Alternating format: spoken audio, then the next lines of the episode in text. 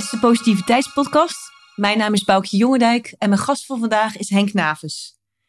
Henk, je bent momenteel voorzitter van de Raad van de Rechtspraak, de buffer tussen de rechtbank en de regering. En ik ga heel even terug in de tijd. Begin jaren 80 deed je je studie rechten in Utrecht. En na een korte tijd als docent en juridisch medewerker werd je in 92 rechter bij de rechtbank Den Haag. En daarna werd je vicepresident bij de rechtbank Amsterdam. En dat is de tijd waarin ik jou ook ontmoette.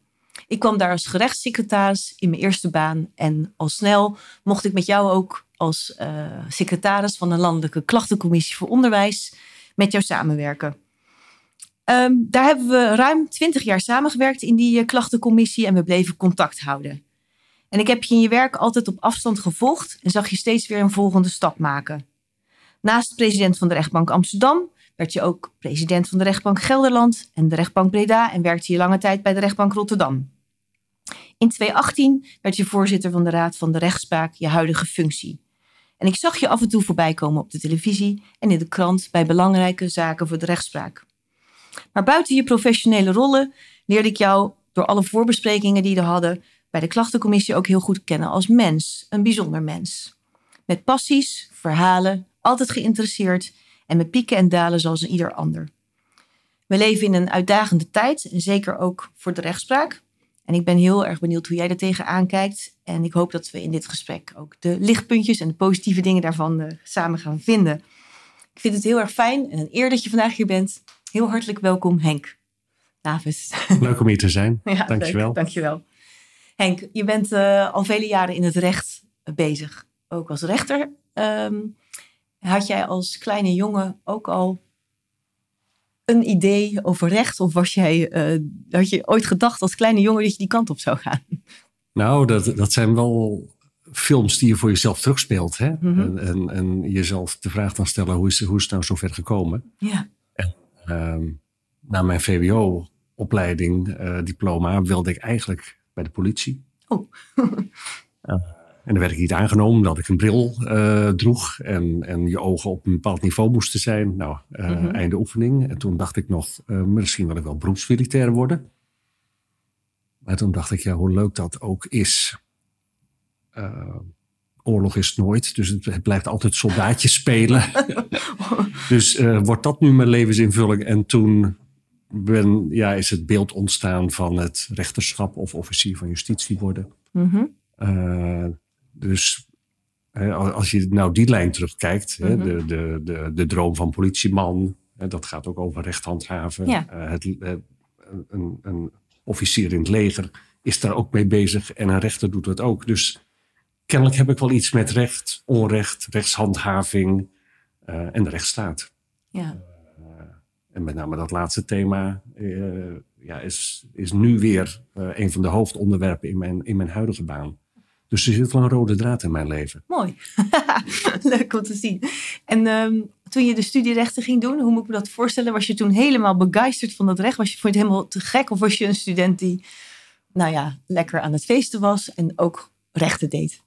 Nee joh, ik, kijk, eigenlijk hoor je al dat eigenlijk mijn interesses elders lagen. En als ja. het dat dan niet wordt, ja, zoals veel studenten, dan wordt het maar rechten. Ja. Want daar kun je nog alle kanten mee uit. Dus ik, ik was, het was wel een, in die zin misschien wel een onbewust bewuste keus. Mhm. Mm -hmm. Maar het, het zag er in die tijd uit als een tamelijk ongemotiveerde keus. Ja. En een prima toelating voor wat, wat ook daarna zou aandienen. Precies. En die houdt alle mogelijkheden open. Ja, ja, mooi.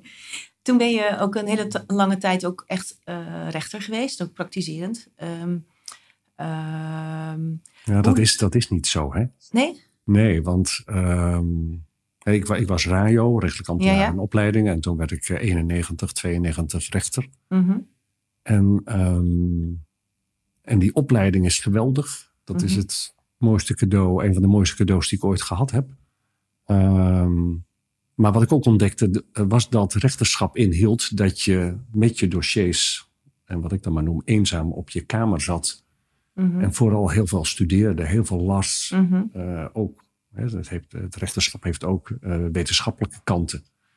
Uh, en ook het rechterschap toen is ook wel anders dan het rechterschap nu. Maar mm -hmm. het Mhm. rechterschap toen was, vond ik toch wel een geïsoleerd bestaan. Okay. weinig zitting, weinig mensen zien. En Mhm. ik miste de mensen. Dus ik ben na een paar jaar, eh, ik noem het maar hardcore rechter, eh, Ja. gaan leiding geven. Eerst als teamvoorzitter, Eigenlijk al later al, dus, dus eigenlijk na, na een jaar of vijf al gaan leiding geven. Omdat ik de dynamiek met mensen miste. Ah, mooi. En je zegt de radioopleiding was mijn grootste cadeau. Wat, wat, was, wat vond je daar zo eh, mooi aan? Nou ja, dat je een aantal jaren eh, de tijd krijgt om, om het vak te leren. Ja. In, he- in heel veel banen moet je toch onmiddellijk aan, aan het werk. En, en dit is ook een soort van training on the job.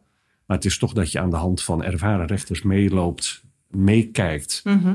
ziet eh, hoe- hoeveel smaakverschillen er ook tussen rechters zijn. En dan denk je van, oh ja, van die wil ik graag dat leren. Ja. En van die ander, die heeft dat waar ik me door aangesproken voel. Ja, Eh, en dat vind ik luxe. Kijk, ik, ik- het, het lag me. eh, dus die opleiding is me ook makkelijk afgegaan. En- Mhm. En, als je dan ontspannen in zo'n baan zit, ja, biedt het ook de kans om te genieten. ja, dat is eigenlijk ook wat wij als gerechtsziekte hadden. Je werkte met verschillende rechters. En de een die kon, ja, die had een andere benadering dan de ander. En het zijn allemaal verschillende mensen. En je, je pakte ook om te leren daar verschillende dingen aan. Jij zei altijd nog van, je bent eigenlijk net iets te vroeg weggegaan. Want toen ging ik op wereldreis, had ik volgens mij net al die ingrediënten een beetje op zijn plek. Maar dat is wel leuk. Ehm, eh, hoe, ja, dus eigenlijk ook toen je al ging managen al snel, had je nog wel af en toe een zitting, toch? Ja. Van, eh, Ja, dus, maar ik denk dat, dat, dat zullen andere mensen ook in zichzelf herkennen. Hè? Dat je, je gaat van de inhoud eh, naar het leidinggeven. En, Mhm. en, en dat is een groeiproces waarin je inhoud en leidinggeven met elkaar combineert. mhm. En, en eigenlijk langzaamaan steeds meer in het leidinggeven groeit. En de inhoud steeds meer achter je laat. Ja. Ehm, maar ik ben, ja, ik eigenlijk, kijk nu als, als eh, voorzitter en lid van de Raad voor de Rechtspraak eh, doe ik geen zittingen meer. Maar de, mijn laatste functie daarvoor was het presidentschap van de rechtbank Amsterdam. En dan deed ik nog met een zekere regelmaat zittingen. Ja. En Ja. hoe, zag, hoe zag je dan, kijk, je zegt iedereen doet het eigenlijk op zijn eigen manier, hè, binnen natuurlijk de spelregels die we hebben. Hoe zag je je eigen rol als rechter voor de mensen nou ja, die een, ja, met een geschil kwamen?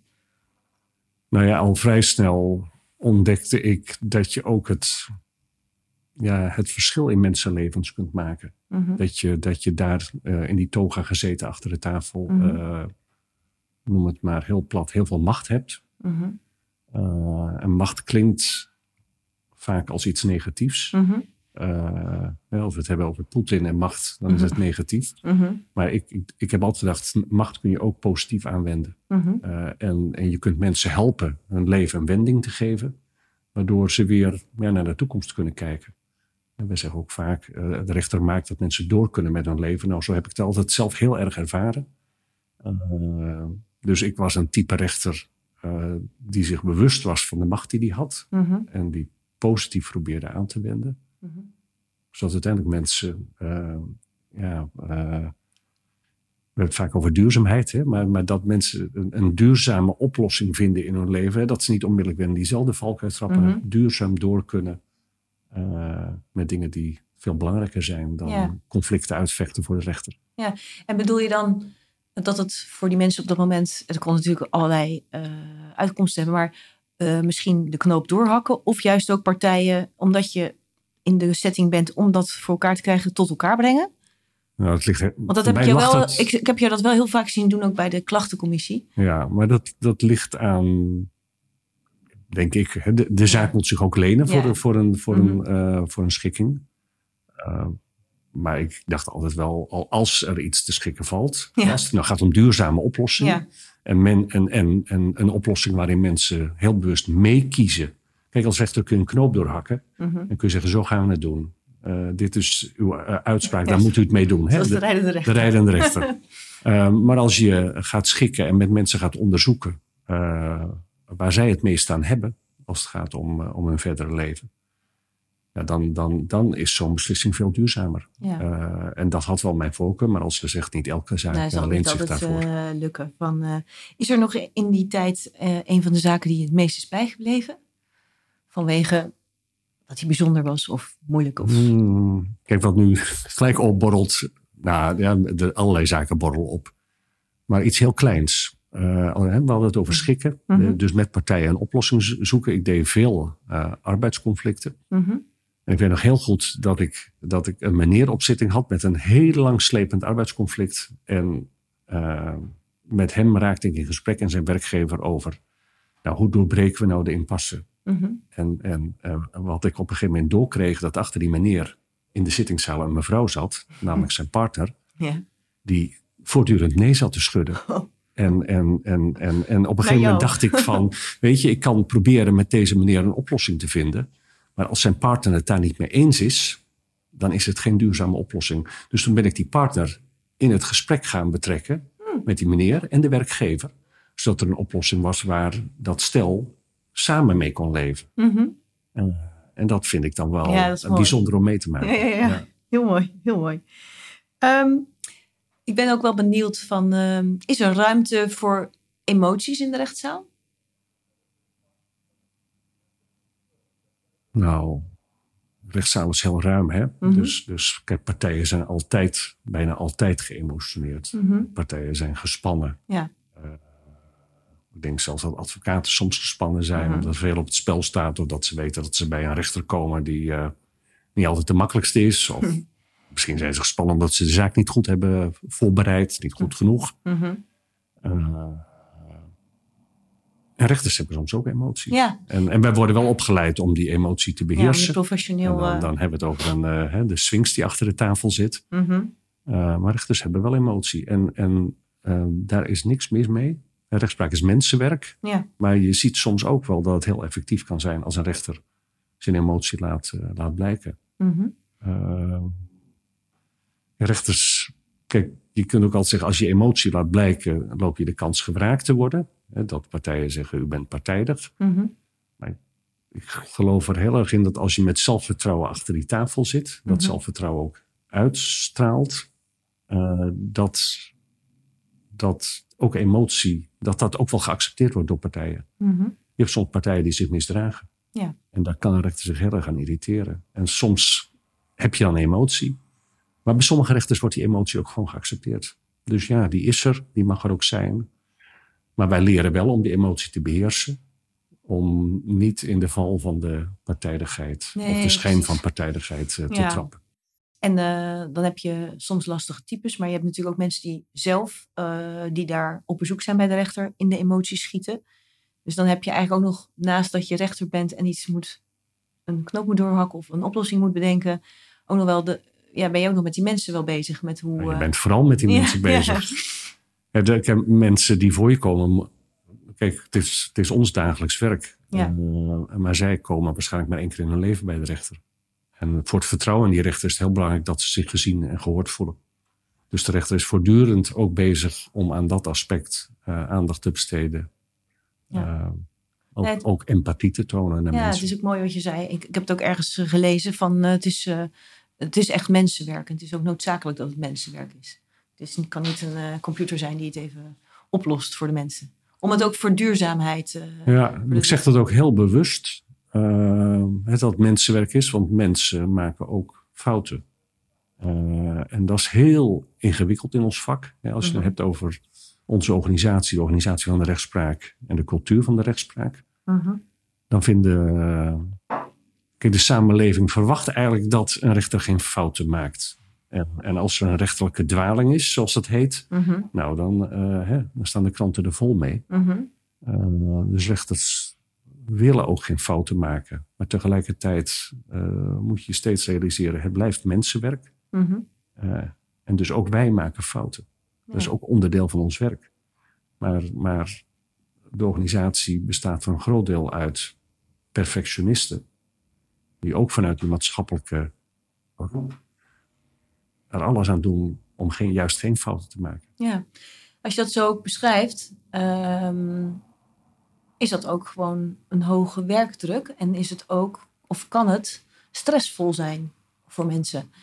eh, om ook dit te kunnen doen, bedoel ik. Van, ehm, Nou, er zijn heel veel dingen die stress kunnen geven. Hè? Ja. Maar bijvoorbeeld hè, eh, eh, de druk voelen om foutloos te werken. ja, Dat, dat geeft druk, geeft spanning. Ja, Ja. zeker.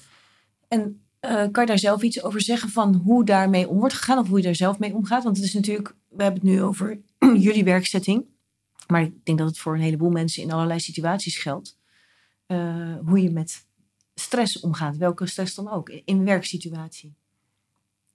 Heb je daar zelf een goede Oplossing ja, voor? ja, hoe je daarmee omgaat? Of voor je Nou, mensen, hè? voor ik- mensen, je Ja, ziet het ook kijk, om je voor, voor me, eerst voor mezelf sprekend. ehm, ik heb een baan waar je 24-7 eh, aan moet staan. Ja. In mijn functie gaat het vaak om crisisbeheersing. En Mhm. een crisis treedt altijd op wanneer je er niet op zit te wachten. Nee, en wanneer het juist net niet uitkomt. Ja, Eh, en dat betekent dat, dat eh, op avonden eh, of 's ochtends heel vroeg al. Hè, heb je, hè, als, als de kranten net verschenen zijn of het, of het eerste NPO-nieuws is geweest en, en dan opeens ben je negatief in het nieuws. Ja. Nou, dan appt mijn voorlichter al 's ochtends voor zevenen eh, dat er een actie van me verwacht eh, wordt. Mhm. Eh, dus dat betekent 24-7 aanstaan en dat geeft, dat geeft mij stress. ja. Ja. En, en wat ik daarmee doe. nou, mijn discipline in het sporten is niet al te groot. Dus eigenlijk is het. ik hou er heel erg van om helemaal niks te doen. Helemaal niks.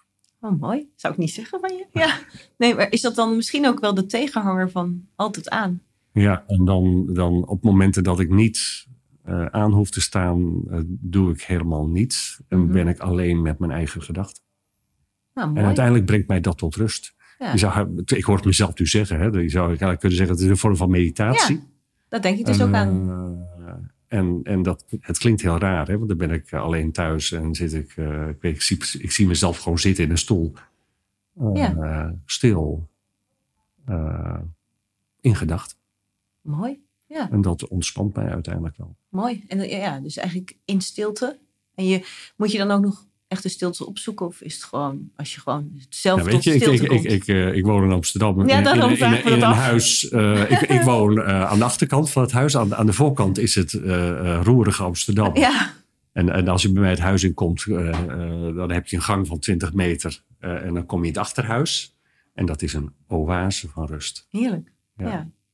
Dus eigenlijk een goede tip. Kom tot stilstand, kom tot rust. Ja. Eh, mooi. Van, eh, Maar elk mens doet het wel op zijn eigen manier. hè? Ja, dat is zeker. Maar ik vind het altijd wel mooi om van verschillende mensen verschillende manieren te horen. En eh, eh, je zegt gekscherend van het sporten is dan eh, niet helemaal mijn ding. Maar tenminste niet regelmatig. Want je zegt eigenlijk zou dat ook een uitlaatklep kunnen zijn. Ja, kijk, ik heb tijden van mijn leven gehad waarin eh, sport eh, het belangrijkste deel van mijn ja, leven eigenlijk was. toch ook hardlopen. En, eh, Ja, en, en Fietsen, nee, hardlopen Ja, vooral. hardlopen, ja. Ehm, en eigenlijk mis ik dat wel. mhm. Maar het vraagt wel discipline.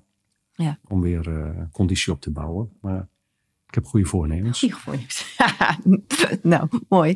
Toen zei je net ook eigenlijk van, ehm, kijk, in de rol waar je nu zit, eh, misschien is het wel leuk als je, laten we eerst even kijken van, kan je aan de luisteraar een beetje aangeven hoe jouw dag eruit ziet? Of wat, wat ook de Raad voor de Rechtspraak voor ons doet?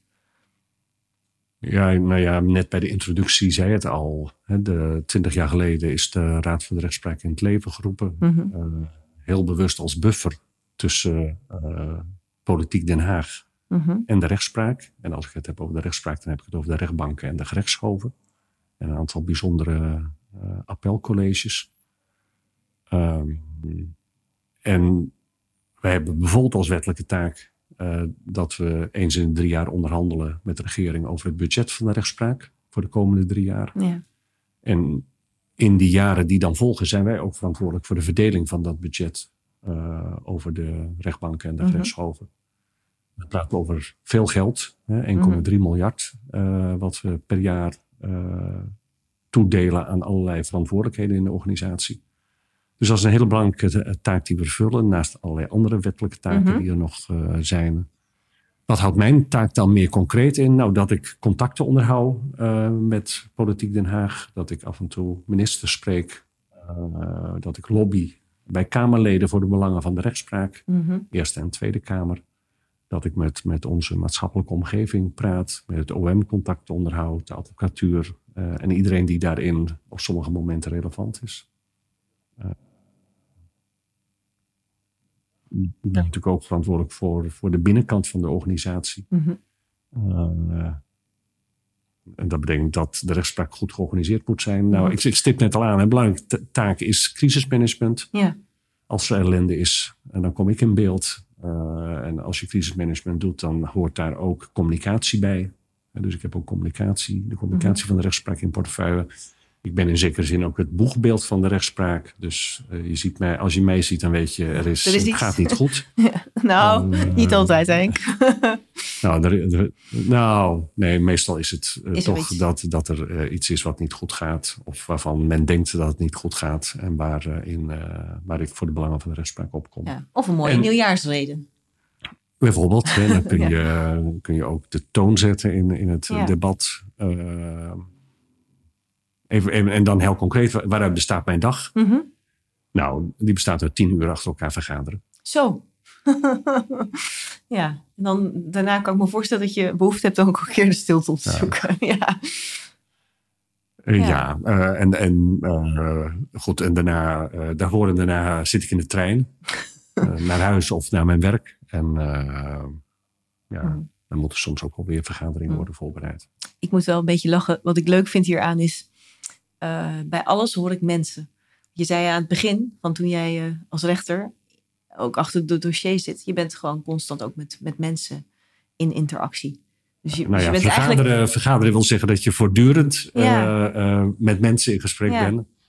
Ja, nou, om maar dan op een vraag van jou vooruit te lopen. Hè, want, kijk, dat geeft mij ook energie en dat, Mhm. dat drijft mij voort, die mensen. Ja. Eh, hè, want die inspireren me. Hè. Ik ben eigenlijk heel erg bezig om mensen te inspireren. Mhm. Maar ook weer door ge- geïnspireerd te raken door de mensen met wie ik spreek. ja, dat is mooi. En dat eh, drijft mij voort. Eh, en wat me ook voortdrijft is, is de rechtspraak. Wat ik, ik had gisteren een gesprek eh, over, over, over een CAO voor de rechterlijke macht. Mhm. Waar allerlei zorgen omheen zijn.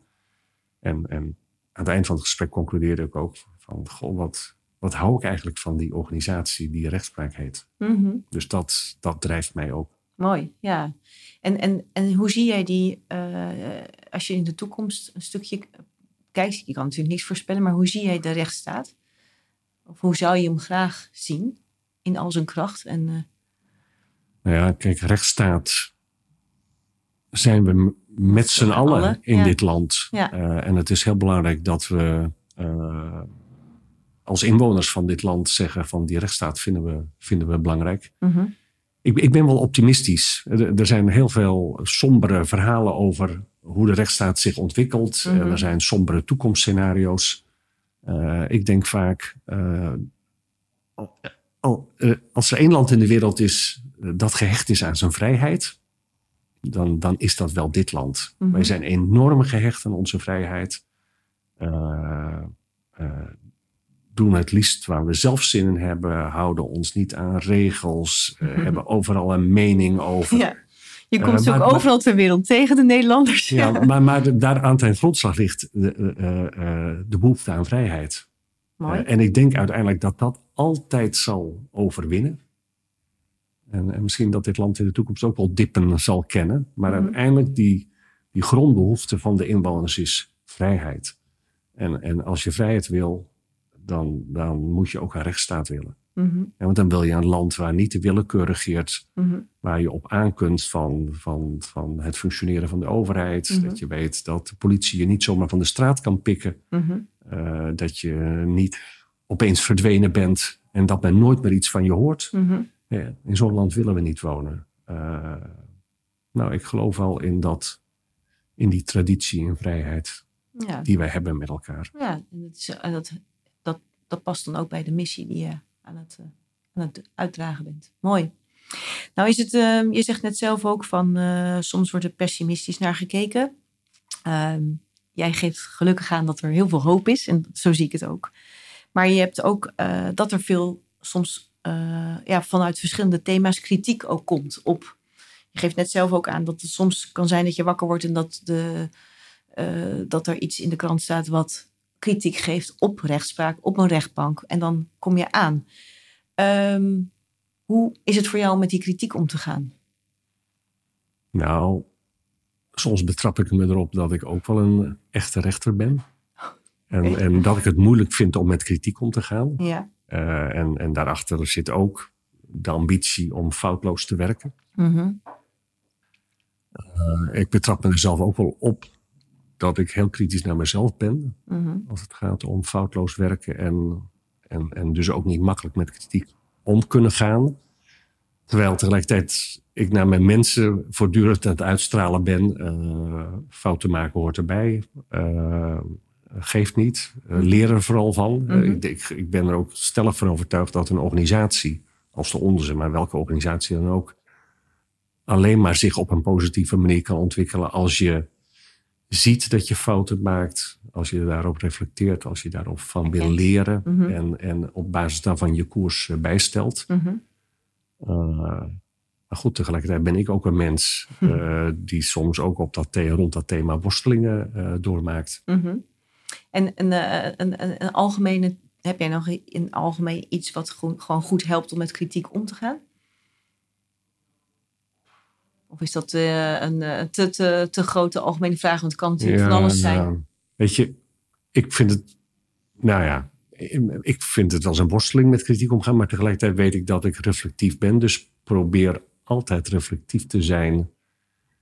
En uh, weet je, mensen die kritiek op je hebben, ook, ook onredelijke mensen die kritiek op je hebben. Hè? Daar kom ik ook nog wel eens tegen. Ja. Maar, maar uh, even wat mij wel, als je vraagt wat houdt jou dan scherp daarin? Dat ik denk van ook die onredelijke mensen die hebben altijd ergens wel gelijk of gelijk gehad. Okay. Uh, dus ga op zoek en wat er... naar datgene waarin ze uh, waarschijnlijk toch wel een punt hebben. En waar je dus iets van kan leren. En, en, en waarin je naar hen toe kunt aangeven, daarin heb je ook een punt is wel moeilijk. Dus, uh, ja. dat, nou, dat is moeilijk. Maar dus, dus uh, ik zit nog even te denken van Henk, Henk kun jij nou met kritiek omgaan? uh, ik denk dat, dat mijn eerste reflex is van nee, nee, ik heb het goed gedaan. Ik denk dat, dat, ga, dat een heleboel mensen dat hebben hoor. Dan ga ik er daarna een tijdje over nadenken. Hè? Dan zit je, zie je mij weer in die stoel zitten ja. alleen en denken. En dan denk ik later, oh ja. Okay. Nou, A, ik geloof ze een punt hebben. B, het is helemaal niet erg dat ze ook een punt hebben. En probeer nou te leren van, uh, van wat je niet goed hebt gedaan. En geef ook gewoon toe. Dat je ja. ja, dus ook niet zo hard. Uh, de... Nee, dus, dus uiteindelijk kan ik er wel mee omgaan. Maar vraagt het even tijd.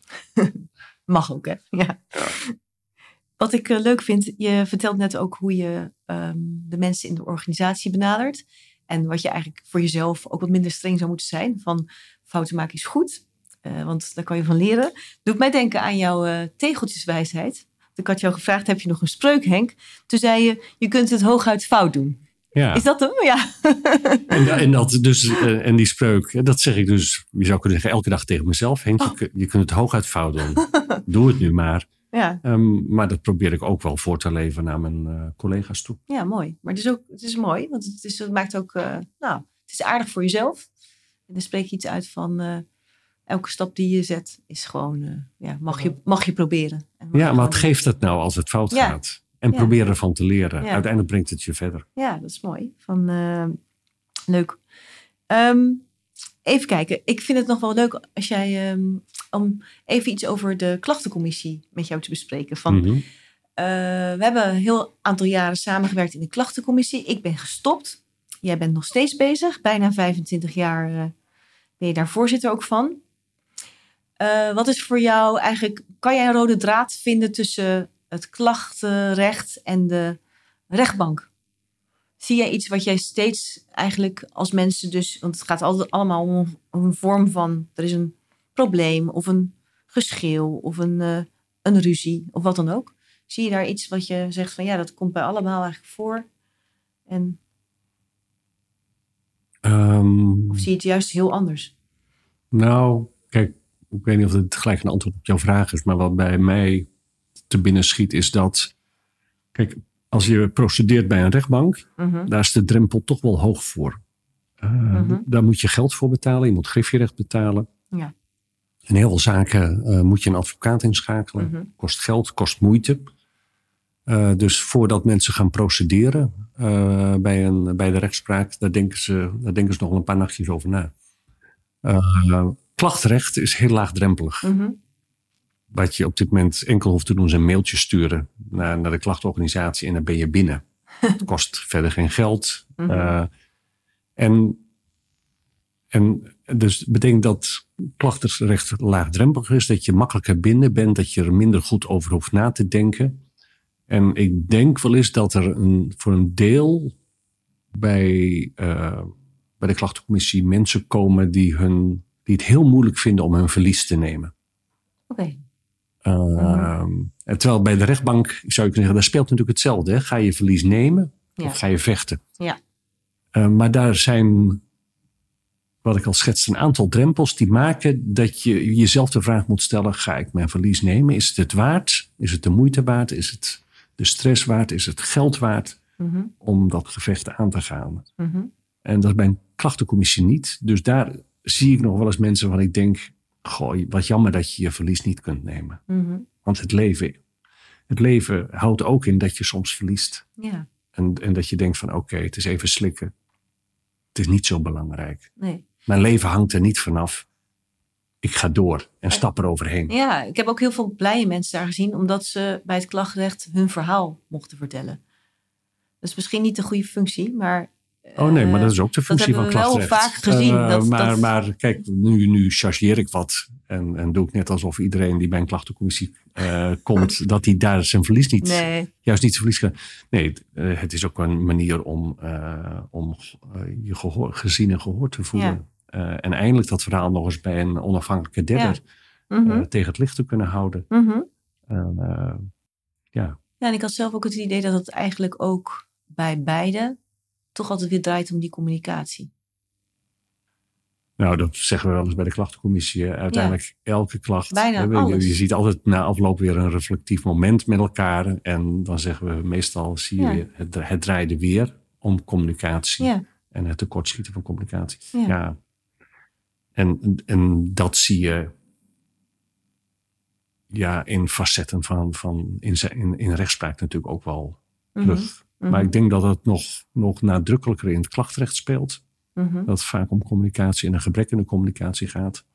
Kijk, als je een strafzaak hebt, eh, dan ja, Dat is een andere setting. ik Ja. deed een winkeldiefstal omdat de communicatie tussen mij en het kruidvat wat eh, complex was. Nee, hè, daar spelen Nee. ook soms eh, speelt communicatie daar helemaal niet. Nee. Hoewel, kijk, nu noem ik een strafzaak. Hè, Mhm. Als je het gevoel hebt dat je door het Openbaar Ministerie of door de rechtbank onvoldoende of slecht geïnformeerd bent over je zaak, dan kan in je boosheid, die je dan op zitting ziet, eh, dat gebrek in de communicatie ook wel weer heel nadrukkelijk op tafel komen. Dus ook daar kan het spelen. Ja, mooi. En dan nog even uit, ik ben nieuwsgierig van, ehm, jij doet dat dus al heel lang. Eh, terwijl je, nou ja, voor je hoofdfunctie ook 24 eh, uur in de dag bezig bent, tenminste aan bent. Nog andere nevenfuncties hebt. Ik ben altijd benieuwd van, eh, waarom blijf je dat zo graag doen? Ja, die 25 jaar klachtencommissie. Ja. ehm, nou, dat is voor een deel ook loyaliteit. Mhm. Maar ook wel loyaliteit aan de mensen die, die achter de schermen dit allemaal organiseren. Mhm. En die ik heel goed ken. Mhm. En waarvan ik denk van, ach, ik heb eigenlijk geen tijd. Maar voor hem of haar doe ik het toch maar. En, en ik heb ook ervaren in die 25 jaar klachtencommissie... dat, dat we ook een soort familie zijn. Als Ja. leden van de commissie van elkaar. En ja, je familie moet je gewoon af en toe zien. Ja, en, eh, Die mis ik nu ook. Ja. dat je, dat je, daar moet je ook laten blijken dat je ze een beetje van ze houdt. Eh, dus dat zit er ook wel aan. Er, er zit ook een sociaal netwerk aan vast. Dat mij warmte geeft. ja. Iets Mooi. teruggeeft. Hè? Dus het is niet alleen dat Nee, je het kon brengen. Ik, ik haal er ook wat. Dat, dat is ook zo. Dat, dat, zo, zo heb ik dat ook altijd gevoeld. Dat is echt mooi. Van, eh, leuk.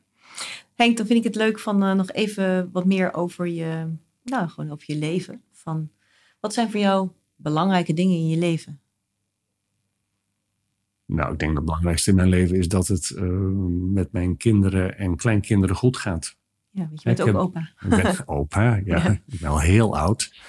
nou, valt wel Eh. mee, toch?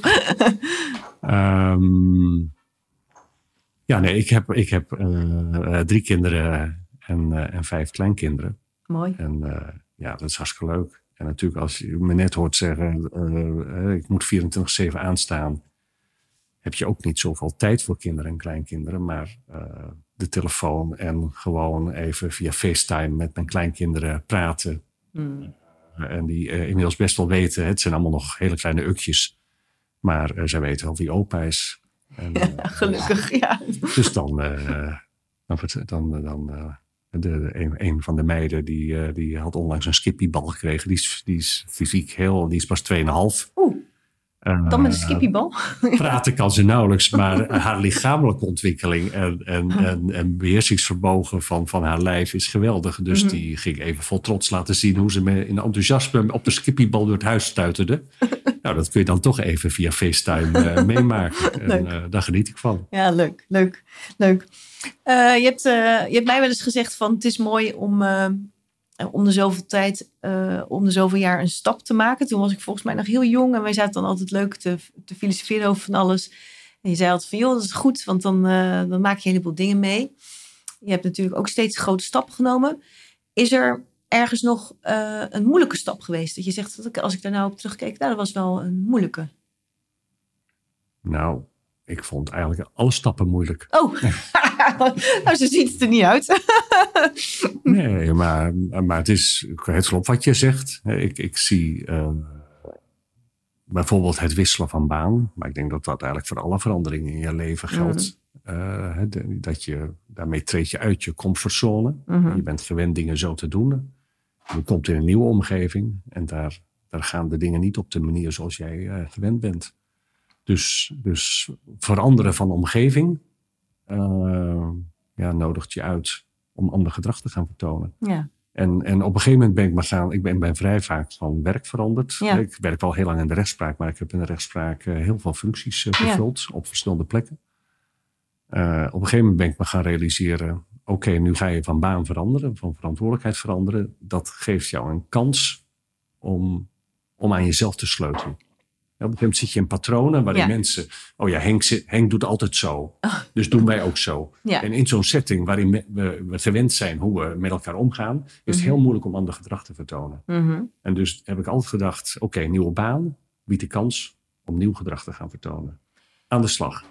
En deed je, ja. Hoe doe je, hoe doe ja, ik dat? hoe doe je dat? Ja. Nou, Ging want je ik, dan, ik, werd, eh, ik werd president. Ik werd voor het eerst president van een rechtbank. Eh, hè, dan ben je eindverantwoordelijke van een Mhm. organisatie.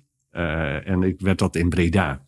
mhm, En ik weet van mezelf best wel dat ik iemand ben die de, de katten even uit de boom kan kijken. mhm. Uh, en, ehm, en toen dacht ik van dat gaat als president van een organisatie niet werken. Of je kunt niet meer altijd enkel de kat uit de boom kijken. Hè? Dus je zult Mhm. een stap naar voren moeten zetten. mhm. En het initiatief moeten nemen. Mhm. In, in, contact en, en, en, en nou ja, in, in het sociaal gebeuren.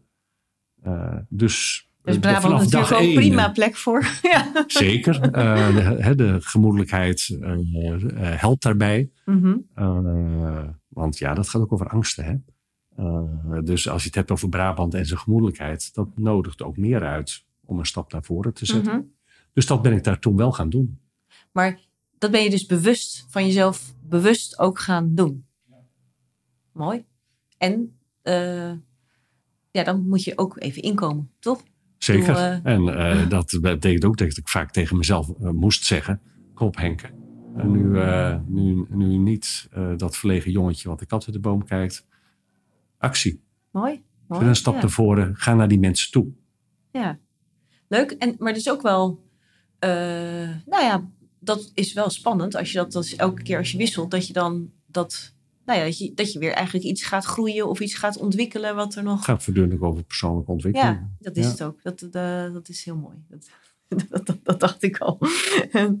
en ehm, als je terugkijkt, uh, wat was dan in het, mag, kan op alle fronten zijn, maar wat, was, wat is je beste beslissing geweest? Als je zo terugkijkt. Want je hebt natuurlijk best wel veel, je hebt best, als je zo terugkijkt, vind ik dat altijd, ook omdat ik je langer ken, dacht ik, gaat hij weer iets anders doen? Je hebt best veel dingen gedaan, maar wat, is er iets wat voor jou heel, uh, uh, ja, een hele goede, fijne, beste beslissing is geweest? Is er iets wat je, waarvan je zegt, nou, dat, dat, is, dat was moeilijk of uh, dat heb ik toen gedaan, maar dat heeft me heel veel gebracht? Nou, of waar je heel blij van bent geworden, ik weet het niet. Vind ik een hele confronterende vraag. Want wat je me nu vraagt, wil ik eigenlijk niet zeggen. Oh, dan moeten we hem. Uh... Nee, maar ik ga het, ga het wel zeggen. Hè, mm. wat, wat ik de moeilijkste beslissing in mijn leven heb gevonden, de meest pijnlijke, mm. is uh, om, om uh, te scheiden van mijn, van van, Mm. van de moeder van mijn kinderen. Eh, uiterst pijnlijk. Mhm. En, eh, en, en daar ben ik ook heel, eh, ook heel kritisch over eh, naar mijzelf. Mhm. Eh, en tegelijkertijd, dat pijnlijke opent ook weer nieuwe deuren. En dus ook dat, die verandering maakte het mogelijk, gaf weer opening naar een nieuw leven. Eh, en dat ging niet vanzelf en niet van, van de een op de andere dag. Nee. Maar dat gebeurt dan wel. Ja. Maar wel heel pijnlijk. ja, heel pijnlijk. Ja. En niet alleen voor mij. Nee, mooi dat je dat deelt. Maar ik bedoelde eigenlijk een. Ja, ik bedoelde eigenlijk een vrolijke beslissing. Maar goed. Nee, maar dat is heel, heel bijzonder een- dat je een deelt vrolijke hoor. beslissing. Ja, ik wil nog wel Nou, nu ga ik even, even het contrast. Hè? Ja, Je hebt me hier net voor zien rijden in een auto. ja. Ehm, eh, en, en, en die, zo- zo'n snelle auto met een cabrio-dak. En, en dan eh, zeggen mensen wel eens tegen me: Henk, waarom heb je die nou aangeschaft? En dan zeg ik altijd: Weet je, als ik erin stap, daar word ik gewoon gelukkig van. ja.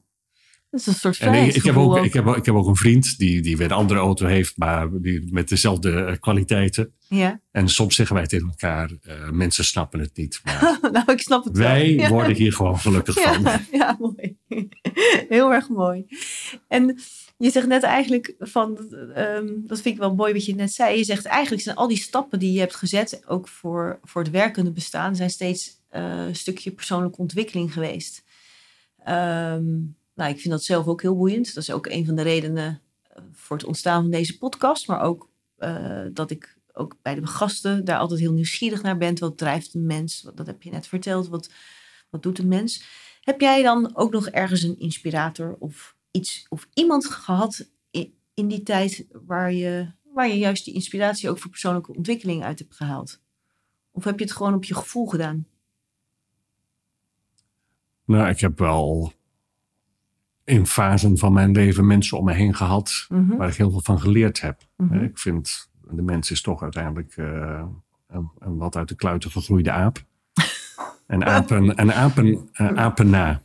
Ja, En daarmee begin je in de wieg. En dan Ja. hangen je ouders over die wieg heen. En dan eh, onbewust ben je alles aan het nadoen. mhm, Of sla je van alles op wat je later gaat, eh, gaat, na, gaat, gaat laten zien als gedrag. Dus dat is naapen. En ik heb ook in, in, in mijn verdere leven eh, mensen op mijn pad gehad waar ik dingen van geleerd heb. Ik, Ja. ik heb niet een grote inspiratiebron waarvan ik zeg, daar aan spiegel ik mijn gedrag. Nee. Nee. nee. daarin ben ik gewoon ook veel, denk, denk dat ik wel veel naar mezelf kijk, kritisch ben en nou, reflecteer. Ja, Eh, en om me heen altijd mensen heb gehad waarvan ik dacht van, oh, daar kan ik iets van leren. Ja. Die doet dat heel goed. ja, En dat in het professionele, hè, in het rechterschap, heb Mhm. ik hele goede leermeesters en meesteressen gehad. mhm, Eh, maar ook in het besturen eh, van organisaties eh, ben ik mensen tegengekomen die, eh, die zeer getalenteerd waren. mooi. Ja, en dan heb je gewoon goede voorbeelden. En dan kan je dan Afkijken. Ja, dat is eigenlijk afkijken.